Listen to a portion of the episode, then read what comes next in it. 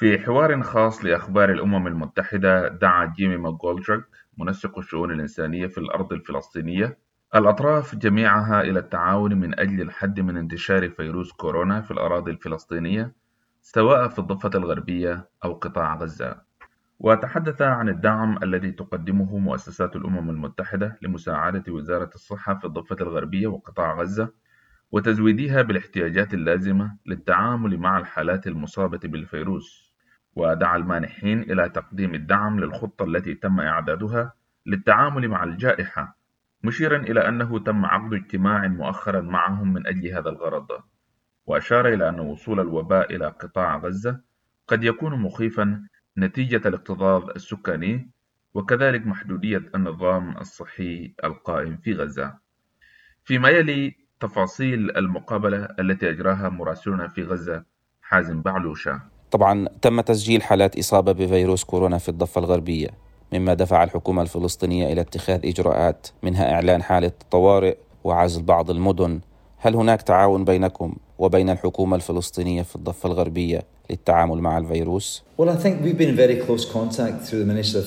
نحن في تواصل مباشر مع وزيرة الصحة ومنظمة الصحة العالمية وشركائنا الآخرين. ونحن سعداء لأن رئيس الوزراء بنفسه يتولى مسؤولية الاستجابة للأزمة من جانب السلطة الفلسطينية التي نتواصل معها عن قرب بما في ذلك من خلال اتصالات عبر الفيديو. بكل وضوح كل مقاربات وقرارات الحكومة في هذا الشأن كانت مهمة ومساعدة على احتواء الأزمة.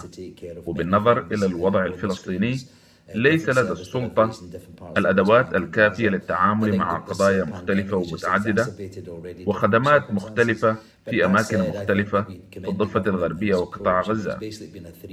أعتقد أن هذه الجائحة زادت الظروف تعقيدا.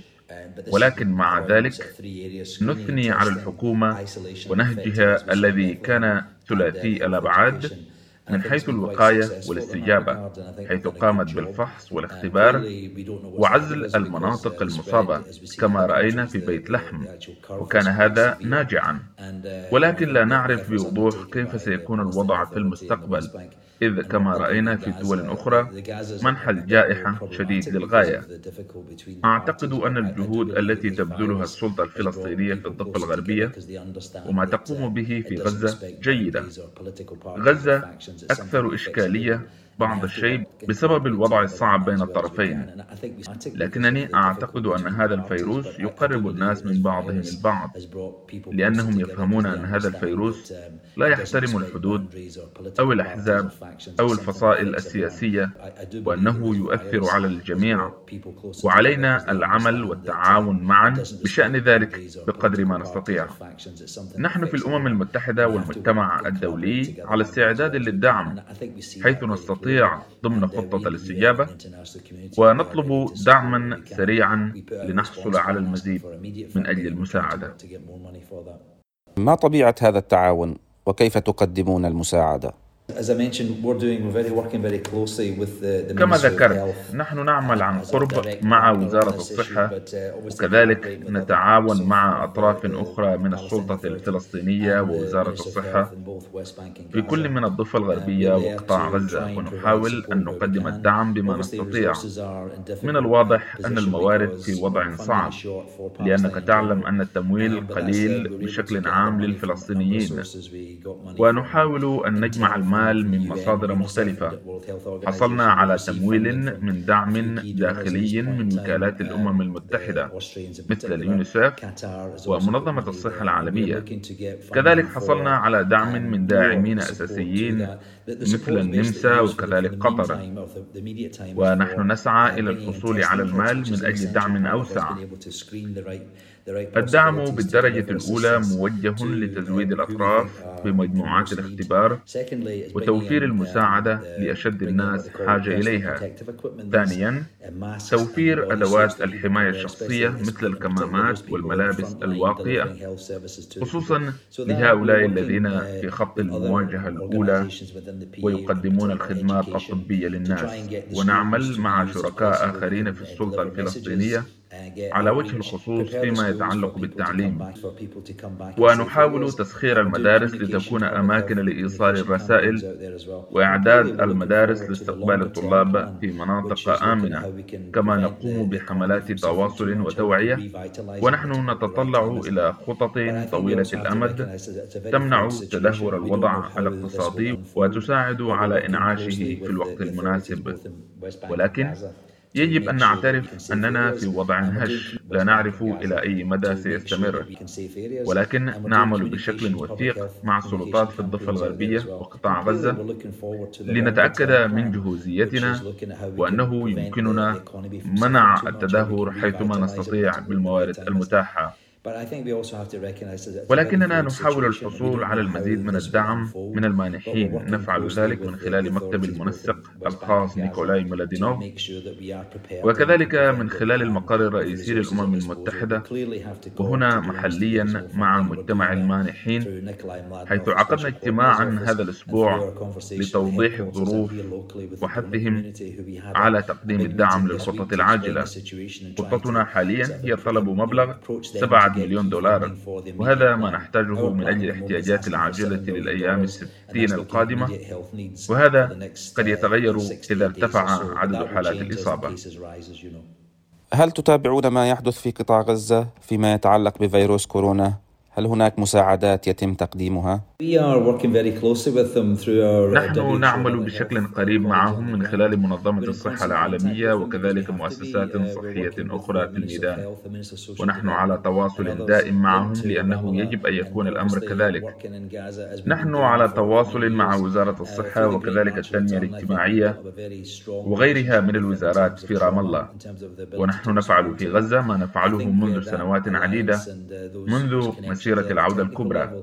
لقد بنينا علاقة قوية فيما يتعلق بالصدمة والقدرة على التعامل مع ذلك.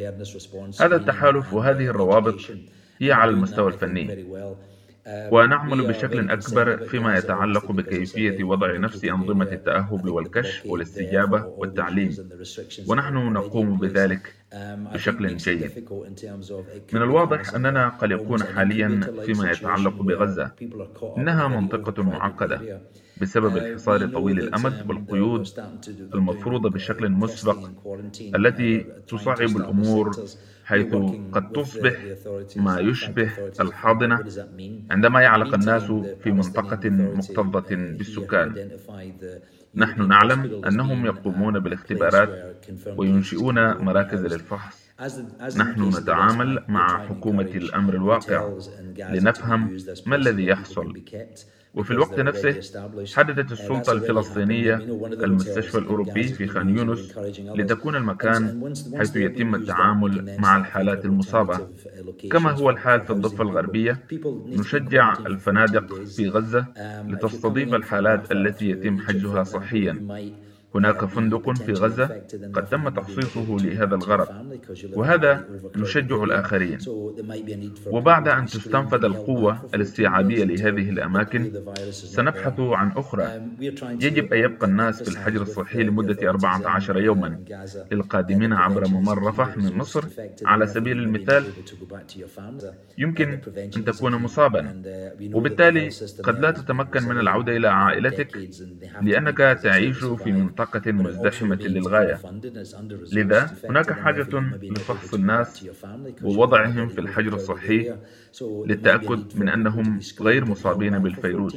نحاول التأكيد مع السلطات في غزة. أن الوقاية هي المفتاح. نحن نعلم أن النظام الصحي في غزة كان مرنا على مدى عقود. لكنه ما زال يعاني من نقص في التمويل ونقص في الموارد والأجهزة. كما أن مسيرات العودة وضعت عبئا كبيرا على القطاع الصحي الضعيف أصلا. أعتقد أن هذا أدى إلى مزيد من التدهور في النظام الصحي. من حيث القدرة على الاستجابة. نحن نفعل ما نستطيعه وكل ما يمكننا القيام به مع كل الأطراف في رام الله وغزة وكذلك الإسرائيليين الذين يساعدون على إبقاء خطوط الإمداد مفتوحة.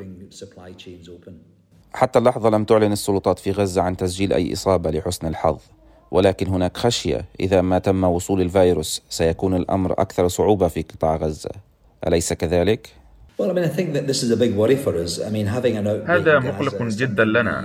انتشار الوباء في غزة مخيف جدا بسبب الظروف هناك وبسبب الكثافة السكانية العالية وطبيعة النظام في دعم الناس الذين قد يصابون.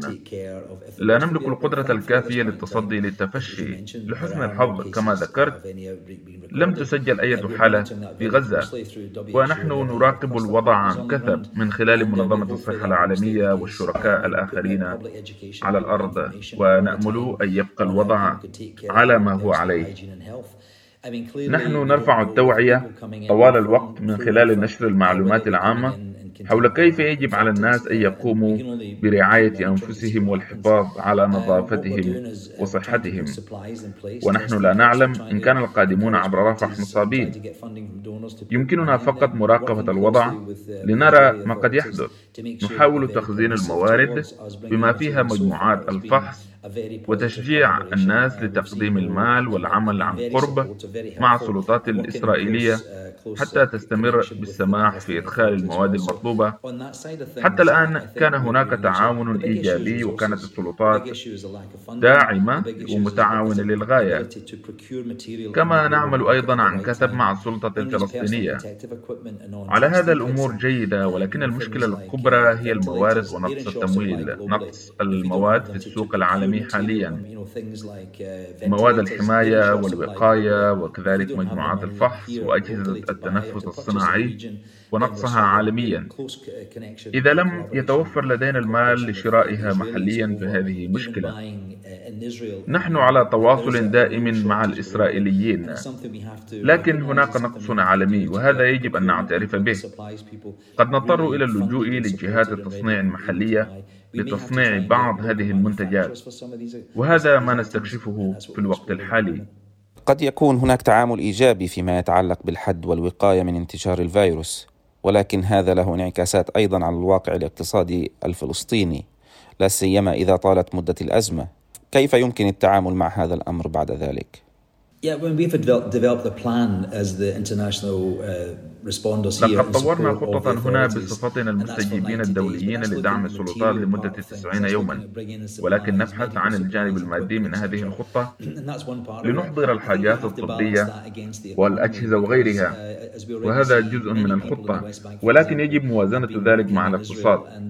فعلى سبيل المثال في الضفة الغربية يذهب الكثيرون للعمل في إسرائيل ويحضرون المال لعائلاتهم. الأمر الذي سيتباطأ بسبب القيود التي سيتم فرضها. ولكن الوضع في غزة خاص لأن 50% من السكان عاطلون عن العمل. الناس يرون هذا رقم سيء جدا. ولكن الناس في غزة استطاعوا التأقلم لأنهم يتعاملون مع ذلك منذ سنوات طويلة.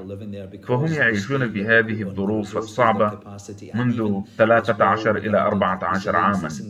وهم يتمتعون بالمرونة لأن عليهم البقاء على قيد الحياة. ويعلمون كيف يفعلون ذلك. ولكن ذلك قد يشكل نقطة تحول للكثير من الناس الذين يعيشون هناك بسبب الضغط الذي سيوضع على الموارد والقدرات وحتى الصمود الذي يتحلى به أبناء غزة يجب علينا تخفيف الضغط من خلال توفير المساعدة والمعلومات لمساعدة العائلات على تخطي هذه المرحلة الصعبة. ونأمل بمجرد الخروج من هذه المحنة ومن خلال التعاون الذي تم بناؤه بين الأطراف بما فيها الأجزاء المختلفة من السلطة الفلسطينية وسلطة الأمر الواقع بالإضافة إلى الإسرائيليين. نأمل أن يؤدي هذا التعاون إلى فوائد أخرى في المستقبل ونأمل أن تكون إحدى تلك الفوائد إعادة إنعاش الاقتصاد في الضفة الغربية وغزة and we just have to prepare for the, the worst and hope for the best.